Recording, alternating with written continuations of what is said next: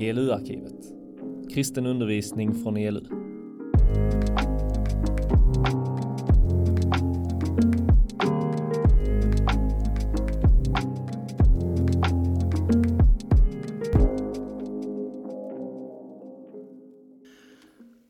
Herre, tack för att vi får vara här tillsammans och fira nyår. Det är egentligen en pseudohändelse och det står inte så mycket om det i Bibeln och så, i ditt ord. Men vi tror att du vill någonting med oss, att vi behöver ibland sådana här tillfällen när vi startar om på nytt. Tillsammans med dig och där vi befinner oss i våra liv. Och nu är det så underbart att du känner varenda en som är här. Och du känner oss bättre än vi gör själva. Det är inte säkert att alla som sitter här nu tror att det är så, men ditt ord säger att det är så. Herre, vi, jag ber dig att du ger någonting till var och en den här närmaste timmen som man kan behålla och tycka, ja men det där var inte så dumt. Det där passar mig. Var med oss med din heliga Ande som är den enda som kan ge oss verkligt liv. I Jesu namn. Amen. Det här seminariet har alltså rubriken Gud med oss. Hela dagen, hela året, hela livet. Det har en underrubrik också men den fick inte plats någonstans så att den vet ni ingenting om. Jag ska avslöja den om en liten stund. Men först vill jag ge er en fråga. Och då ska ni vända er till varandra, fundera lite grann själva och sen kan ni dela lite med varandra i några grupper. Nu får man ju inte flytta på stolarna här för de hänger ihop. Men ni är väl vändbara själva i nacken och sådär. Och man får inte vara fem, då är man för många. Och är man en så är man för få i gruppen. Så att eh, två och två eller tre och tre eller max fyra.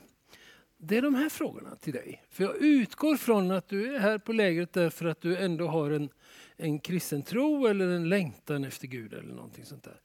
När är det svårast att vara kristen? Och nästa fråga. När är det lättast att vara kristen? Jag tror att ni har en del erfarenheter av det som ni kan få dela med varandra just nu när ni har tänkt efter lite grann. Ta bara någon minut till det.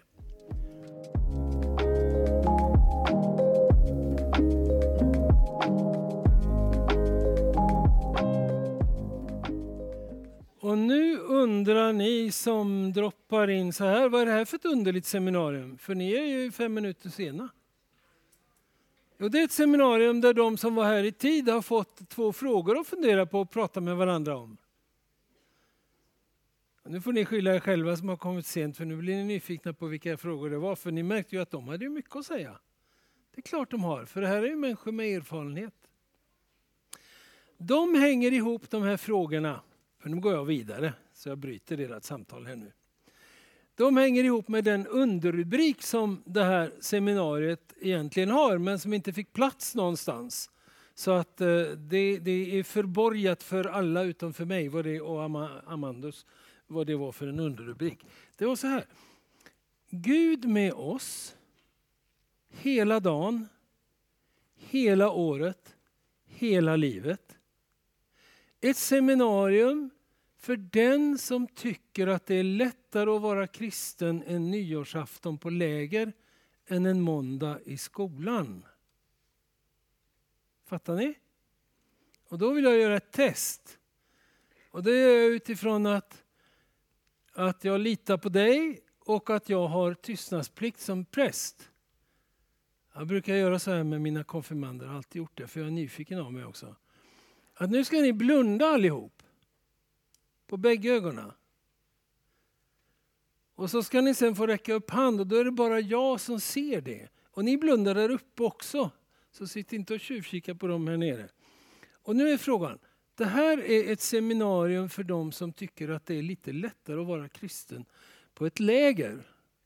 En nyårsafton behöver det inte vara, men nu råkar det ju vara det. Än det är en, ja, en förmiddag i skolan. Ta en måndag när det har varit helg. Ni blundar fortfarande va? Och så får vi se hur många som räcker upp hand på det och känner igen sig.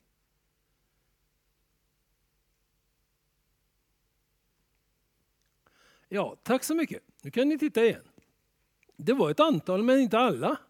Men ni som räckte upp hand kan ju stanna. Och ni andra, eh, ja, er berör ju inte det här seminariet då. Men ni får vara kvar om ni vill.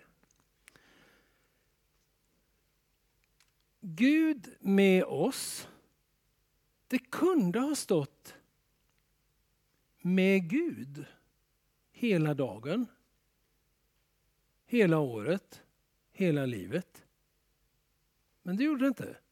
För det är skillnad på det.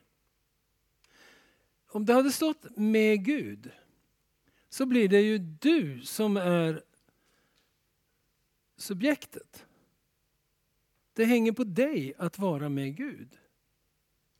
Och så tror jag att det är ganska många kristna. Nu ska, behöver ni inte räcka upp hand. Men det ska inte förvåna mig om någon tänker så här. Inte så medvetet men ändå lite mer omedvetet. Att det här med, med kristen tro, det hänger väldigt mycket på mig. Och så känner man att man orkar inte riktigt. Man klarar inte. Man har högre ambitioner än man hinner med, orkar med. Det här kanske ni igen, känner igen. För nästan allt jag kommer att säga här nu den här timmen har sagts tidigare under det här lägret. Jag har ju funderat hemma och jag bad över detta och tror att jag fick det här ämnet från Gud. Eh, och har funderat lite grann sådär, vad ska jag säga? Och så kommer allt det jag hade tänkt att säga i varenda samling vi har haft hittills här inne på det här lägret. Och det tror jag är bra. För det heter ju att repetition är kunskapens moder. Vi behöver höra saker och ting mer än en gång och kanske lite grann på olika sätt av, från olika personer som har olika erfarenheter. Och sen heter det också att helgonen motsäger inte varandra. Så vi säger samma sak, vi som är här. Och det är en trygghet med det. Det betyder att vi är övertygade som är kallade att vara ledare och talare här. Att, att det vi står för, det vi förmedlar till er, det tror vi på. Vi tror att det här är sanningen. Ja. Med Gud. Men nu står det Gud med oss. Då blir det Gud som är subjektet. Han tar initiativet. Man upptäcker alltid nya saker med Bibeln.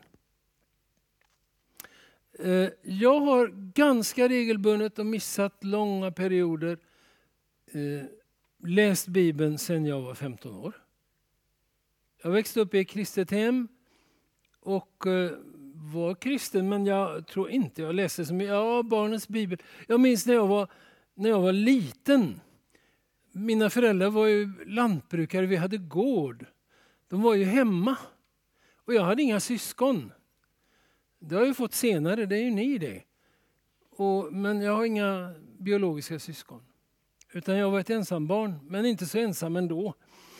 För jag hade många kompisar. Men när jag var fem år sådär så efter frukosten så hade mamma och jag en stund tillsammans där jag fick gå in i, i deras sovrum och hämta hennes bibel. Och så läste vi ur den. Och så bad vi. Och det är förknippat ett minne med det där för att en gång när jag skulle, och sen fick jag bära tillbaka den in i kammaren då. Och då var det ett sånt här stort bondkök. Och vid vedspisen så stod det en hink med skummjölk som skulle användas till någonting vad det var. Den skulle väl ut till hönsen eller någonting sånt där och värmde sig vid spisen. Och när jag gick tillbaka med mammas bibel så tappade jag den ner i skummjölken. Det är inget bra. Och jag har aldrig glömt, jag minns än hur min mamma fick en sorg. Hon försökte dölja den så att jag inte skulle känna för mycket skuld för det här, men det gjorde jag ändå. För jag såg vilken smärta det var för henne att se Bibeln gå ner i mjölkspannen. hon tog upp den och på den tiden så kunde man ju vända på dammsugarslangen så att den blåste varmluft istället för att suga in. Det kanske man kan på en del modeller nu också. Hon höll ju på länge och dammsög, blåste sin bibel. Och den blev väl torr. Men det är ju liksom eh, socker och, och, och sånt i mjölk va? så att det klistrade ihop bladen. Så den bibeln blev ju aldrig människa mer. Eller ja, bibel mer riktigt. Hon fick väl en ny bibel, men det var ju den hon hade använt och strukit under i och sådär. Det positiva med det var ju att jag vid fem års ålder fick klart för mig att Bibeln är någonting väldigt viktigt. Min bibel försvann här första dagen när vi bara var ledare. Den, jag har tre biblar med mig. Men den här, som är min bästa bibel, och det har jag sagt till en del att ser ni en rödbrun bibel med ett blått gummiband om så, eh, så är det min. Förmodligen. Och nu kom Gustav Silverstrand och hade hittat den alldeles nu för en timme sedan. Jag blev så glad. Men jag sa till Gud förut att du säger till Jeremia i ditt ord att du vakar över ditt ord. Det står i Jeremia 1. Så du vakar nog över min bibel och vet precis var den är. Så jag får nog tillbaka den så småningom. Och det fick jag fort. Mm. Men Bibeln är en fantastisk bok och där kan man göra upptäckter. Vi har en bibelskola hemma. Det, vi, den, det är på måndag förmiddagar mellan halv nio och ett. 25 elever ungefär. Och det är mest pensionärer, pigga pensionärer. Men det är en del som är, är, har lediga måndagar och någon som är sjukskriven och sådana saker. Och, och, den har vi kört i elfte året nu. Och då eh, turas en grannpräst och jag om att ha bibelstudium på morgonen, de första timmarna. Och då har vi läst Matteusevangeliet nu. Det är det längsta evangeliet, det är 28 kapitel. vet ni. Det är rätt så mycket i det. Och underbara saker. Och så, vi började i augusti förra året och så var vi färdiga nu precis före jul. Och då har vi hittat, då tycker jag jag upptäckte en massa saker i Matteusevangeliet. Och så är det någon i den här bibelgruppen som säger när vi kommer till sista kapitlet där Matteus berättar om eh, efter Jesu uppståndelse hur lärjungarna gick upp på ett högt berg. Det är ju himmelfärdsberget. Och Jesus kommer dit uppstånden och så ger han dem en eh, order för framtiden. Åt mig har getts all makt i himmelen och på jorden. Det känner ni igen va? Ni som är konfirmerade. Det som vi kallar för missionsbefallningen. Och så står det, man brukar läsa det stället alltid, det ingår i ordningen för konfirmationen. Eh, och så står det att de föll ner för honom och så står det att några tvivlade. Vad tvivlade de på? Tvivlar de att Jesus hade uppstått från de döda? Nej, men det kunde de inte göra, han stod ju framför dem. En gång när vi hade födelsedagskalas för våra gamlingar i församlingen hemma i Kina församling så kom kungen och hälsade på. För han var i Kina och invigde en ny väv på mattfabriken. Så jag bjöd in honom. Jag skickade ett fax till slottet och han kom. Det är ju roligt. Och de gamlingarna visste ju ingenting. Det var en hundraåring och det var tre 97-åringar och så ner till 80-85. Han var bara 20 minuter och han ville inte ha kaffe och prinsesstårta om han slapp. Så han pratade lite och vi sjöng kungsången och, och, och, och så sjöng vi Tryggare kan ingen vara och så frågade jag om jag fick eh, nedkalla Herrens välsignelse över honom. Det fick jag så gärna och så gjorde jag det. Och tänkte jag nu kanske jag blir hovpredikant. Men det har jag inte blivit. Nej. Eh, han for hem sen. Och eh, så satte jag mig vid, det var tre långbord så och så stod kungen här och jag bredvid. Och så, där. så satte jag mig sen när han hade åkt bredvid en tant, Asta, hon hade fyllt 85. Det var en ledig plats där, mittemot henne. Så säger jag till Asta, hon satt längst fram. Ja, vad säger du om det här? Ja, sa Asta, var det på riktigt? Ja, men det såg du väl, sa jag. Ja, jag var ju så nära, sa hon, så jag kunde ju nöpet under min bena. Jag är mycket tacksam att du inte gjorde det, sa jag. Men lärjungarna kunde ju nupet Jesus i bena där på berget. Men så säger en i vår bibelskola när vi har läst det här. Varför berättar inte Matteus? Han var ju med. Varför berättar han inte om himmelsfärden? Han säger ingenting om det. Det är Lukas som berättar om himmelsfärden. Kolla ska ni se. Mest i Apostlagärningarna 1. Och Markus nämner det också. Men det var ju en, det var ju en fantastisk wow-grej att se någon lyfta från marken. Och så kommer ett moln och tar hand om den här.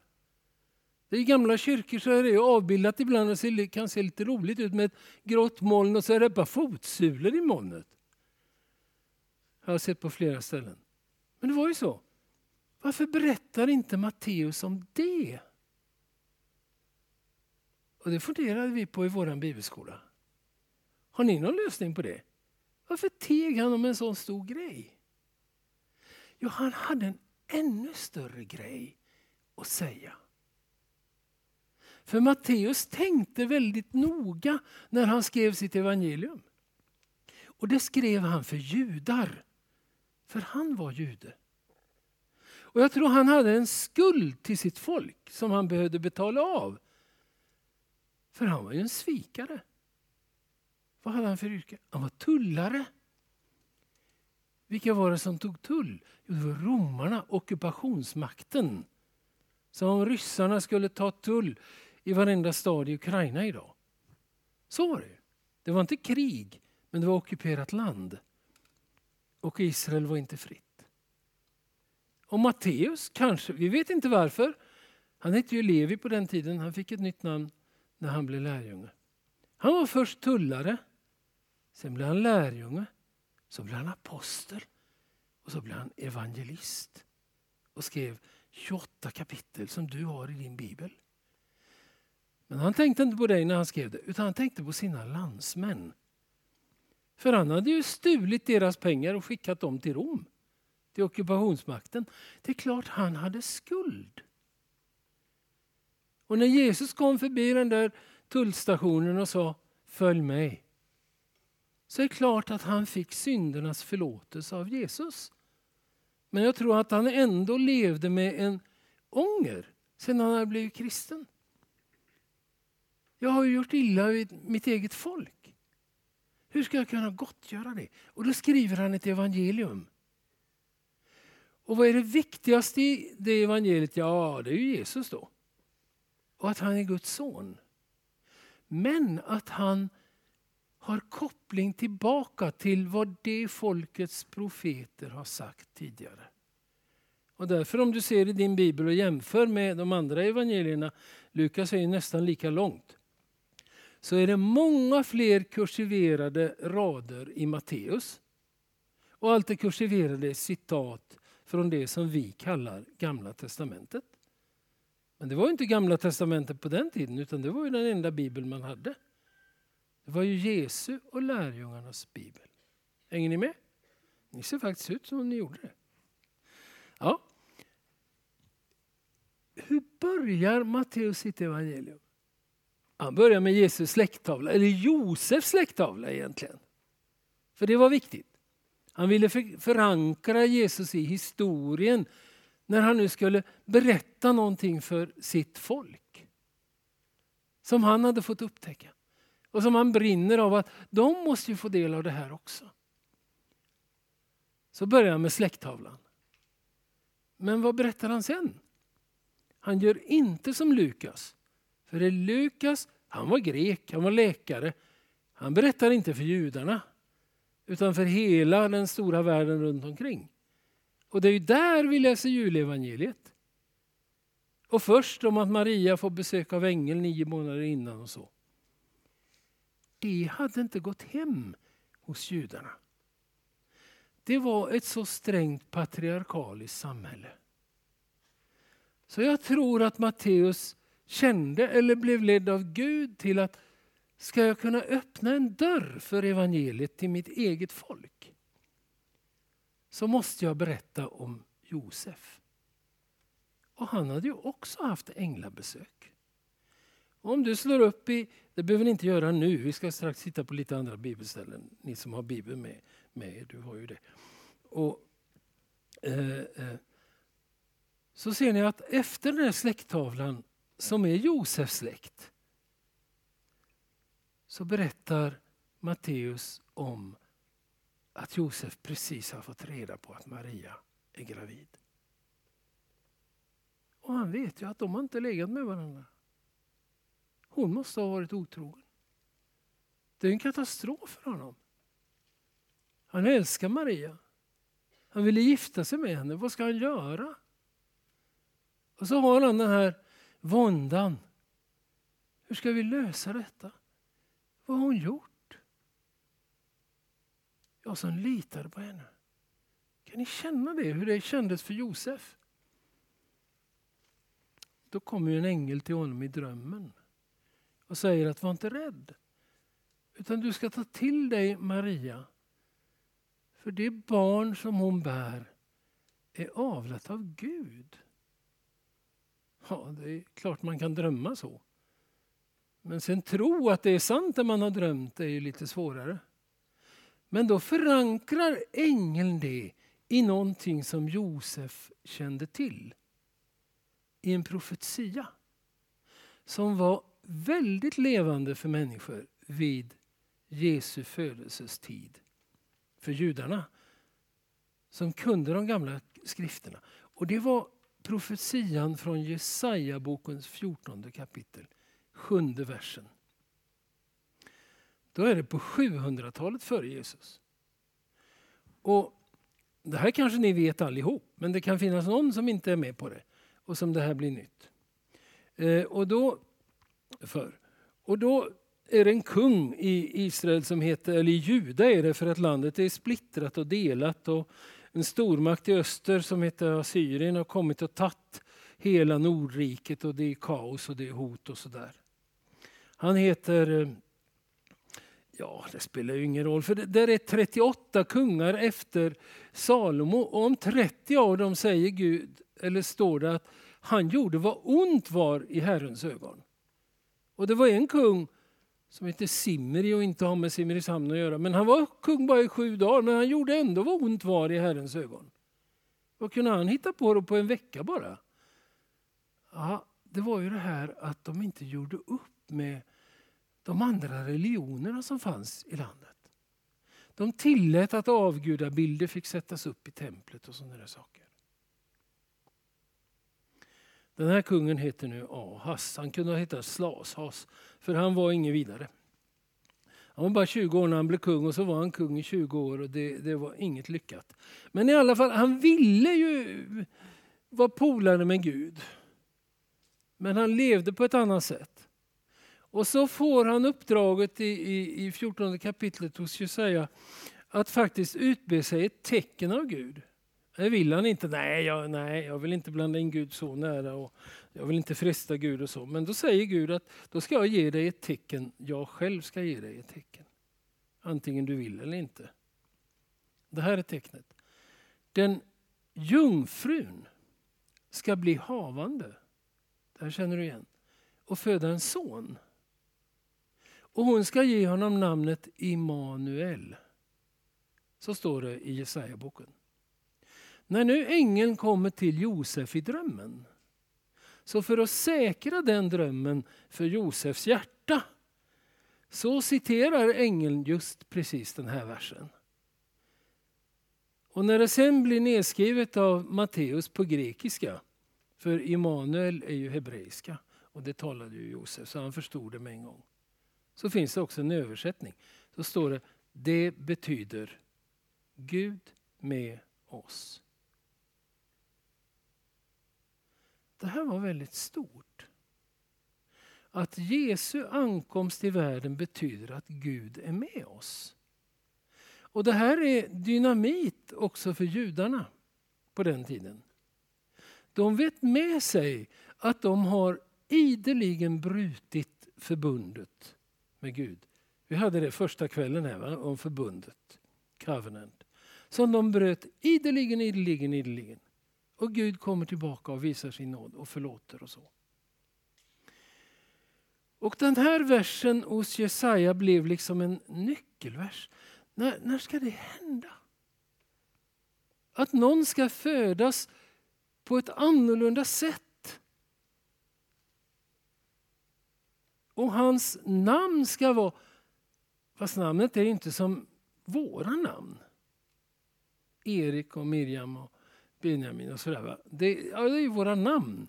Men det säger ju inte så mycket om vad vi är egentligen. Men så har det ju inte varit i alla kulturer utan namnet ska ju stå för någonting som man önskar att den personen ska utgöra. eller så. Det kan det ju vara Benjamin, min glädjeson. Det är inte så dumt. Miriam, sorg, bitterhet. Som Maria. Det är ju lite sämre. Erik är ju inte så bibliskt. Nej. Ja. Men i alla fall. Men för man kan ju tycka så att Jesus fick ju inte heta Emanuel. Nej, men han fick vara Emanuel. Hela hans väsen är, betyder att Gud är med oss. Och Guds folket som Gud hade skapat från Abraham och Sara med början där, visste väldigt noga med sig, vi har syndat mot Gud. Han har rätt att straffa oss. Han är emot oss. Och det har visat sig i det att, att vi har blivit ockuperade först av, av eh, babylonierna och sen av grekerna och sen av romarna och där är vi när Jesus föds. Och den sista profeten som hade talat hette Mika. Det är också den sista i vår bibel, fast inte i judarnas bibel. Och han var på 400-talet, 500-talet före Kristus. Sen kom det inga fler profeter. Inte förrän Johannes döparen uppträder. Och det är när Jesus har hunnit bli 30 år. Det är tyst. Och de undrar och ber och tvivlar och tänker Gud är arg på oss. Gud vill inte infria sina löften. Men när Jesus har kommit och plockat Levi Matteus från Tullverket. Kvisslingen, bedragaren mot sitt eget folk och gjort honom till efterföljare, lärjunge. Så fattar han, detta måste jag ge alla människor och främst mitt eget folk, att Gud är med oss. Och därför börjar han sitt evangelium så. För att sen sluta sitt evangelium så och därför glömde han det här att, att Jesus lyftes upp på marken. och så där. Det var inte så viktigt. Det är klart om han är Gud, han skulle återvända till sin tron i himlen. Självklart. Men mindre självklart är det som han säger allra sist i Matteus evangeliet. Vad säger Jesus det? Det vet du. Jag är med er alla dagar till tidens slut. Mm. Nu måste jag titta på klockan nu, halva tiden gått. Och då kan vi slå upp eh, eh, första Thessalonikerbrevets femte kapitel, om ni som har biblar eller också lyssnar ni bara. Det är någonting som Paulus har skrivit. Naturligtvis, precis som de andra breven, i, inte, ja, inte alla, men många brev i Nya Testamentet. Första Thessalonikerbrevet femte kapitlet. Det är mot slutet. Sista. Och så kan vi titta på vers 16 och 17. Det är alldeles mot slutet.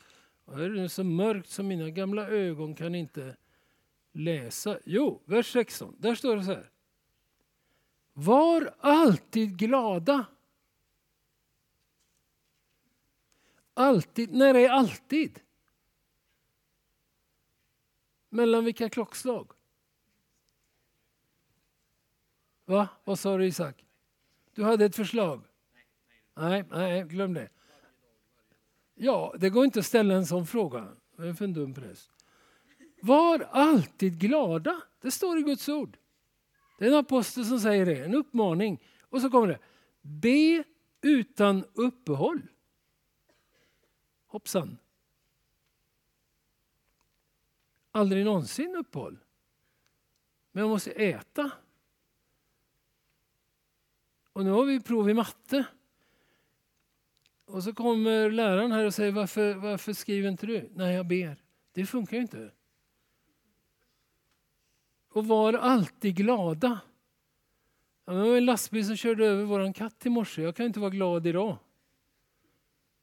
Var alltid glad. Be utan uppehåll och tacka Gud i allt. Och då, om, om, om det nu står så i Guds ord och en apostel skriver detta till oss så måste vi ju dra den slutsatsen att alltid betyder inte att vi måste knäppa händerna alltid och böja huvudet och formulera böner alltid 24 timmar, 24-7, hela dagen, hela året, hela livet. Det orkar inte jag. Ja, då kan inte jag vara kristen. Det är så tokigt en del tänker sig att det är. Att detta att vara kristen är en massa grejer som jag behöver uppfylla. Men det är ju inte det. Det kommer sen som steg två, men aldrig som ett villkor.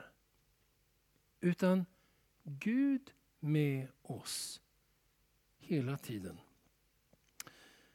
Vi kan se vad 18, läste jag den versen? Ja, det gjorde jag. Men då kan vi gå till eh, Saltarens 139 psalm. Credo har en fjällgård i Dalarna. Hur många har varit där? Ja, det var rätt många. Då har ni varit inne i fjällkyrkan, givetvis. Och ni har sett den här altarbonaden som Barbro Strömgren har klistrat dit lappar på. Det är ju en applikation. Och då hade hon, och det vet ni som har varit där, för det säger vi alltid när folk är där. Då hade hon den 139 salmen i åtanke i Saltaren. 139. Eh, och den är ju fin den där. Och då, då står det här i vers 4 och 5. Innan ordet är på min tunga vet du Herre allt om det. Och så kommer det som vi sjunger ibland. Du omsluter mig på alla sidor och håller mig i din hand. Och går man längre fram i den här salmen till vers 17 så står det hur ofattbara är inte dina tankar för mig, Gud? Hur väldig är inte deras mångfald? Räknar jag dem är de fler än sandkornen. När jag vaknar är jag kvar hos dig. Och en människa som inte känner Gud kan uppleva det här som ett hot. Jag kommer inte undan Gud någonstans. Inte ens när jag sover, för när jag vaknar så är jag kvar hos honom. Vad hemskt! Men för den som känner Gud lite grann, det räcker, så är det en trygghet. Det finns också i den här salmen att man kan inte åka någonstans utan att Gud finns där. Alltså det hade varit lika mycket Gud om du hade stannat hemma över nyår än om du hade kommit hit. Så mängden Gud är ju liksom inte, den är ju konstant. Nu, nu blir hans ord lite mer kanske levande här och så än det hade varit hemma. Det vet jag inte. Men, men i alla fall, vi, vi, ja, Gud är ju överallt. Han har ju skapat hela den här tillvaron.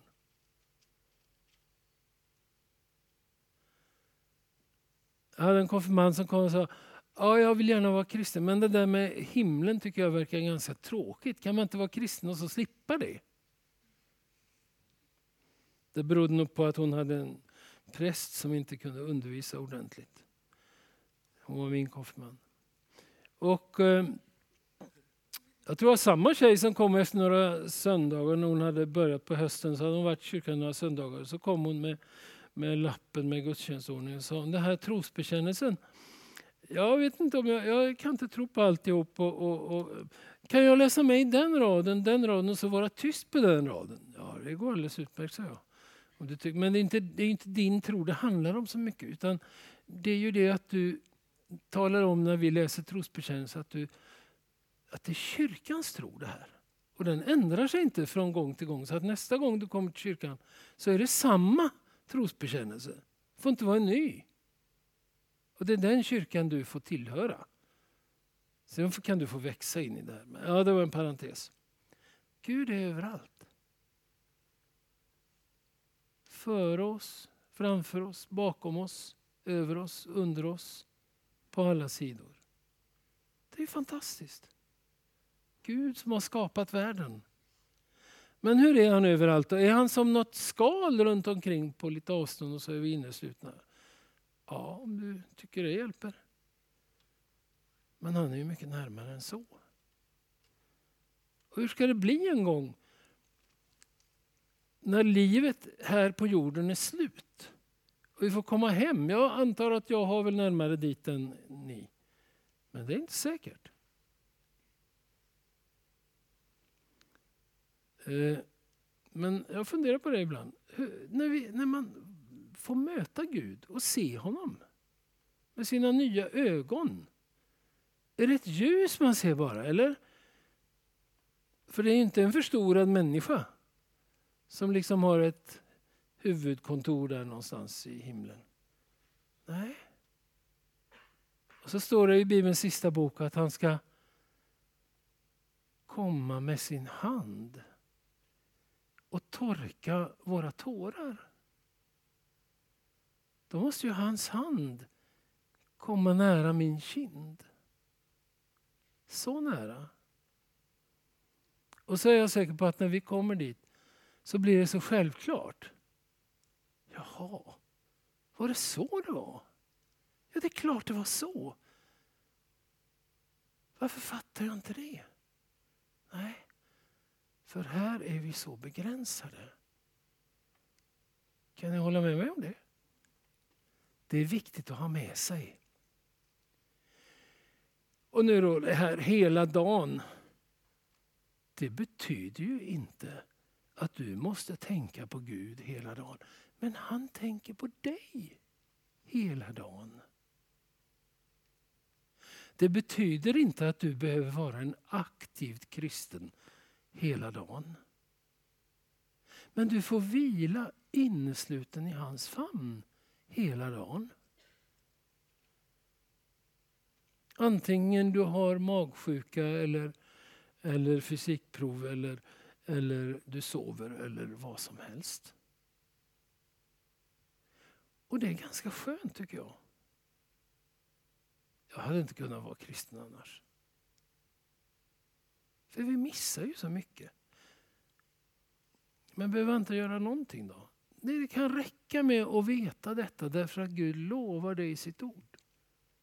Räcka med att veta att Jesus säger jag är med er alla dagar till tidens slut. Och tiden har inte tagit slut än. Det kommer nog en dag imorgon också fast det är ett nytt år. Sen kan man ju, är det väldigt bra om man ordnar upp sitt liv och får lite struktur på det och så. Eh, hela året. Då tycker jag ju att det finns en pedagogik i det här med kyrkoåret och så.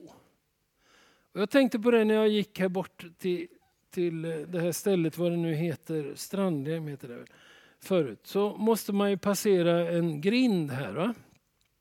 Har ni sett på grinden? Som är, det är en som är öppen häråt som man kommer igenom och så är det då en som är åt sidan. Och så räknar jag dem, den är ju av metall, och så räknar jag de här tenarna som är i den grinden. De var 21 stycken. De är lite smalare och så är det lite bredare då vid sidan och upp och ner och så.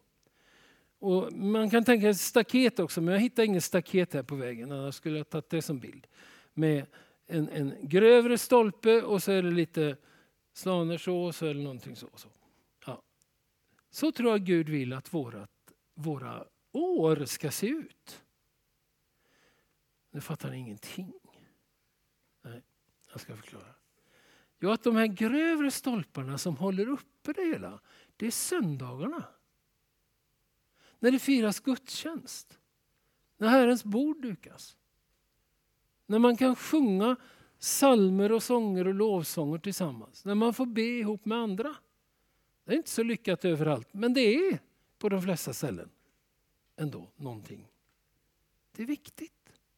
Och de här andra smala tenarna eller smala grejerna i ett staket. Det är då veckans dagar och då kan man tänka sig att staketet ska vara så här att en grövre stolpe och så sju smalare och så en grövre stolpe. Då hänger det ihop. Fattar ni nu?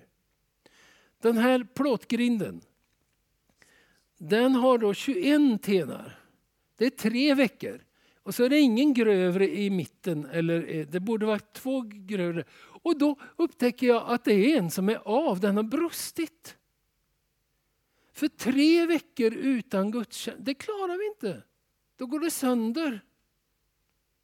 Jag tror Gud, det står inget om kyrkoåret i Bibeln eller söndagar eller någonting. Så ja, sabbaten står det om, men det är ju en lördag. Jag tror att Gud har verkat i historien så att vi har det här som en gåva. Det är klart, jag är präst och jag har ju fått predika och fira gudstjänst alla de här söndagarna. Och det är ju illa om inte prästen vet vad det är för en söndag. Det var en präst som hälsade välkommen till 14 söndagen i advent sin församling. Ja, det är på riktigt. Och de hajade till. Välkomna till gudstjänst på 14 söndagen i advent. För det var på våren. Men det råkade vara första april den dagen. Så det var medvetet. Men då fick han församlingen lite vaken. Mm. Nu är det ingen i år. Vi miste två söndagar i år. För juldagen var ju en söndag, så söndagen efter jul får vi inte fira. Den handlar om att vara Guds barn. Där är tio jätteviktiga texter från Bibeln. Inte särskilt långa, det är korta texter runt nyår. Om att vara Guds barn. Det missade vi i år. Det är för almanackans skull. Vi missar också söndagen efter nyår. Den handlar om Guds hus. Nu är det nyårsdagen, imorgon. Då är det söndag, har ni tänkt på det? Och då står det i Jesu namn. Så när du vacklar upp imorgon bitti någonstans så får du göra det, eller någonstans, du ska vara på ditt rum naturligtvis när du vaknar. Då får du göra det i Jesu namn. Hur sömnig du än är. Och hur trött du än är. Alltså, du får inte sova längre för nu börjar en ny dag och ett nytt år. Men du får vara med Gud. Det är fantastiskt. Han vill vara med oss.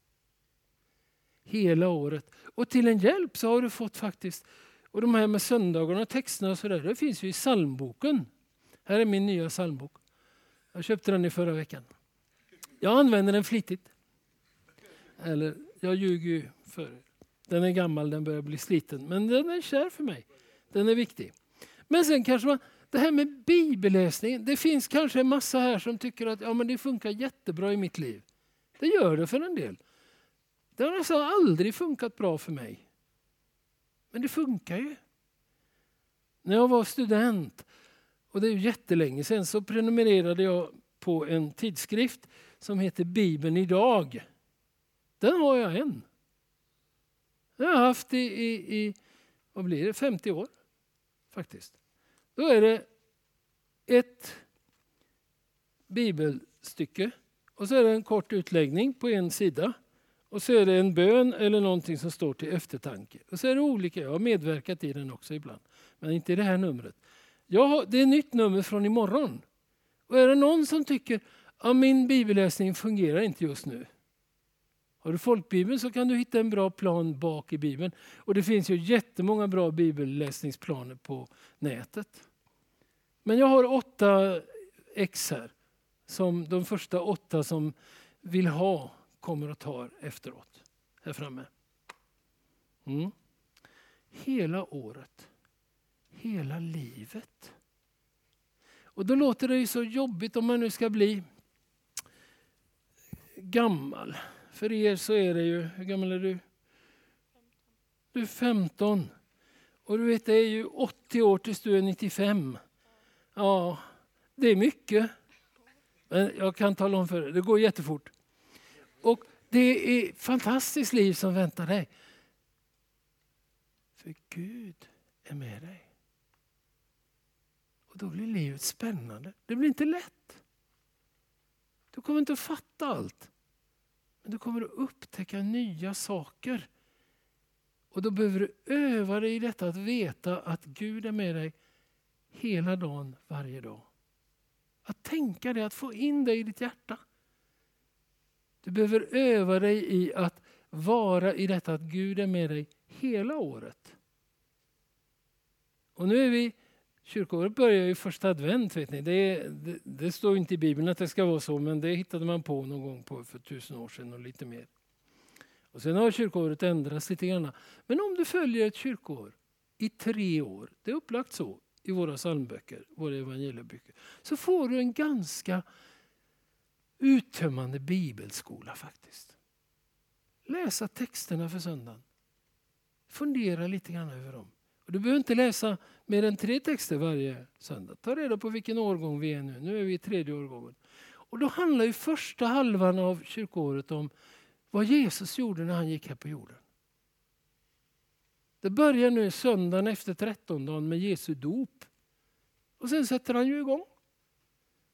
Och så andra söndagen efter trettondagen är Jesus skapar tro. Han har initiativet. Och så kan jag känna att jag får inte till det här med tro. Ibland så är det lätt att tro, ibland är det svårt. Ja, men det är ju Jesus som skapar den. Det är inte jag. Och så går det hela året. Och så när det har varit påsk och pingst, himmelsfärd och pingst så kommer hela långa trefaldighetstiden, den brukar börja när skolan slutar och så håller den på ända till advent. Och då handlar det om vårt liv tillsammans med Jesus. Söndag efter söndag efter söndag. Det är en jättebra bibelskola.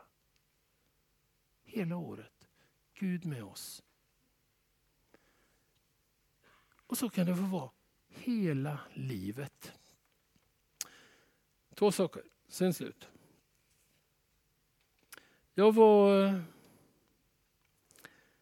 i Värmland, uppe i Värmland på en begravning fredagen före fjärde advent. Det var minus 18 grader när jag startade hemifrån och jättemycket snö. Jag skulle ha den begravningen.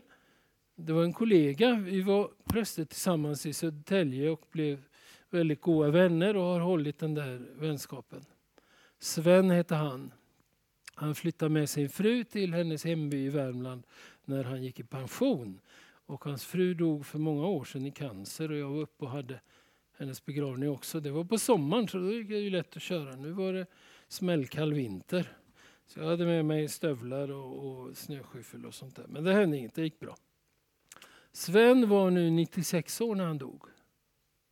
Men i samma by där han bodde så fanns det en kvinna som hette Maria. Hon var från Broby här i Skåne men har hamnat i Värmland och bott där. Och de har blivit så väldigt goda vänner. Men så blev Sven lite grann dement för ett par år sedan så han kunde inte klara sig hemma längre så han hamnade på ett demensboende i Kristinehamn. Då blev Maria så ledsen. För Maria sa att han har ju lovat att ha min begravning. Maria var nämligen lite äldre. Så dog hon veckan innan Sven dog. Eller tre veckor innan kanske det var. Nästan samtidigt. I, eh, nu i höst. Så Sven kunde inte ha hans, hennes begravning. Hon var klar in i det sista. Hon skulle fylla 110 år. Det är ni, Värmlands äldsta. Varm kristen. Men så gamla kanske vi inte blir. Det kanske inte är kul att bli det heller. När alla jämnåriga har dött innan. Men det spelar inte så stor roll. Vi har ett hem i himlen. När jag var 18 år var jag på ett läger och köpte en bok. Och jag tycker nog fortfarande att det är den bästa boken jag har läst. Och ett tag så läste jag den vartannat år ungefär. Det har jag inte gjort nu på ett tag. Men jag återvänder ofta till den. Jag undrar om det är någon av er som känner till en svensk bok som heter Stengrunden. Ja, där är ju två gossar som nickar. Och det tänkte jag att ni visste nog. Skriven av Bo Hjärt som var biskop i Göteborg, men det var innan han blev biskop i Göteborg. Och den, handlar, den skrevs 1940 eller 41 tror jag, så det är länge sedan.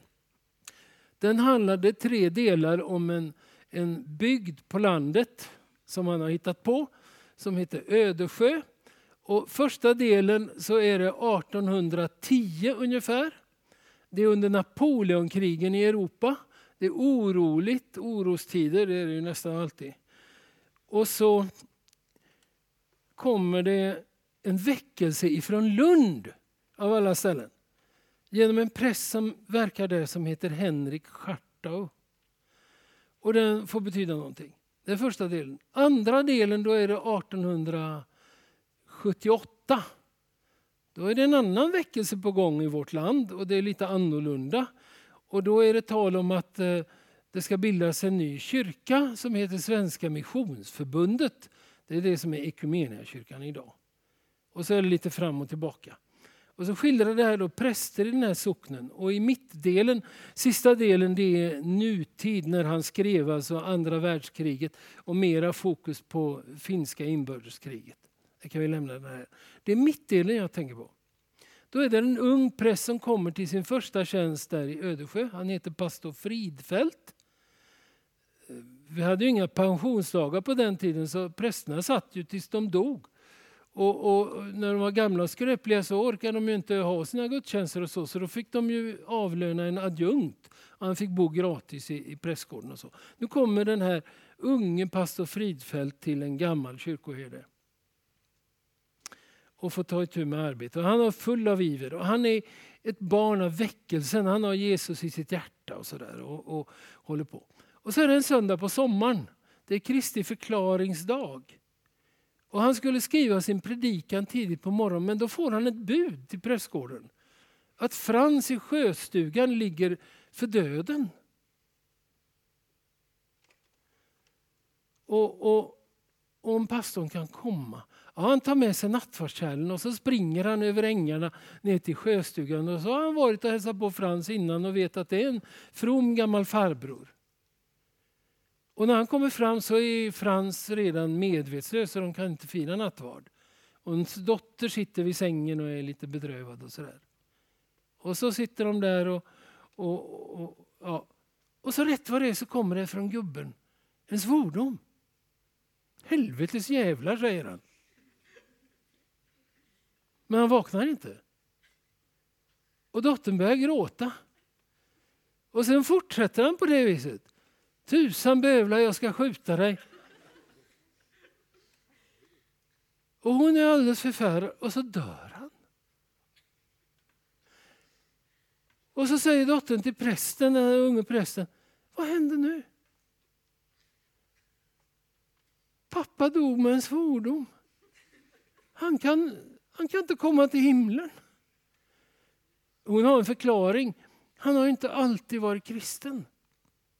Och i, sin, I sin ungdom när han var soldat så hände mycket. Han drack och slogs och sådär. Och så väller detta upp. Det har vi ju aldrig sett förut. Men ni vet, vi har ett medvetet liv. Och så har vi någonting som kallas för det undermedvetna. Och så sitter Fridfält och tänker, tänk om jag blir dödssjuk här och ligger på kammaren i prästgården och prästens hushållerska som heter fru Holleman och avgudar den här unge prästen. Hon blev kär i honom. Hon ska sitta vid min... Och han hade inte alltid varit kristen heller och varit ute i världen och rumlat om och sådär, den här unge prästen. Tänk om jag skulle ligga där medvetslös och sjunga lite oanständiga visor som jag sjöng när jag var 17 år och så. Och så slog det nu tänker jag ändå bara på mig själv. Han kunde inte svara den här sörjande dottern. Dog pappa salig? Jag har ingen aning. Och hjälp, nu ska jag ha gudstjänst klockan elva. Så ringer klockan. Han hörde klockorna ringde, halv elva var det. Han, hinner, han har inte skrivit någon predikan. Vad ska, vad ska jag tala om? Han är ny, han har ingen erfarenhet. Han springer hem till kammaren i prästgården och så hade den gamle kyrkoherden lagt ett litet häfte på hans skrivbord med med tio predikningar från Henrik Schartau 1810. Det hade han struntat i Fridfält. Det var inget intressant. Men så kollar han, finns det någon där för den här söndagen? Ja, det fanns det. Så han tar med sig det.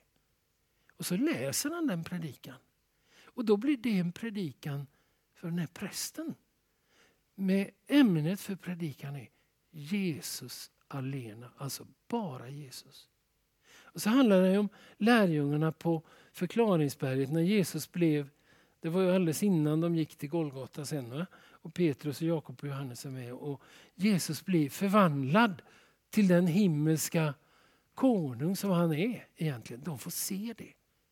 Och Mose och Elia, inte Elias, Elia träder ut ur historien och de får se honom. Och Petrus han blir ju alltså till sig i trasorna. Han var ju lite sådär impulsiv och säger, vad bra att vi är med. Vi kan, vi kan bygga hyddor. Stanna här. Det fick de inte. Och sen blev de rädda. Det himmelska kom för nära så att de föll ner som de var döda. Står det. Men då kom Jesus och så la han sin hand på dem och lyfte upp dem och sa, var inte rädda. Och när de då såg upp så såg de ingen utom Jesus. Då såg de bara Jesus, den vanliga Jesus. Och då räcker det att veta att Jesus är med mig alla dagar till tidens slut. Och när tiden tar slut för oss. Förra hösten trodde jag, för jag blev dålig och var inne i sjukvården i snurren och de hittade så mycket. Eller de hittade ingenting men de tog en massa prover och så sa de att ja, säger en överläkare på en avdelning i Borås att det, allting tyder på att du har en cancer någonstans. Så, men vi ska hitta den. Det gjorde de inte. Och då tänkte jag, ja nu är det slut. Då har jag fått 73 underbara år. Jag blev inte alls panikslagen. Men medan tiden gick och jag gick på alla möjliga konstiga undersökningar så under fyra månader ungefär så försvann mina problem. Jag slutade ha ont och sådär så jag tänkte Gud har helat mig inifrån.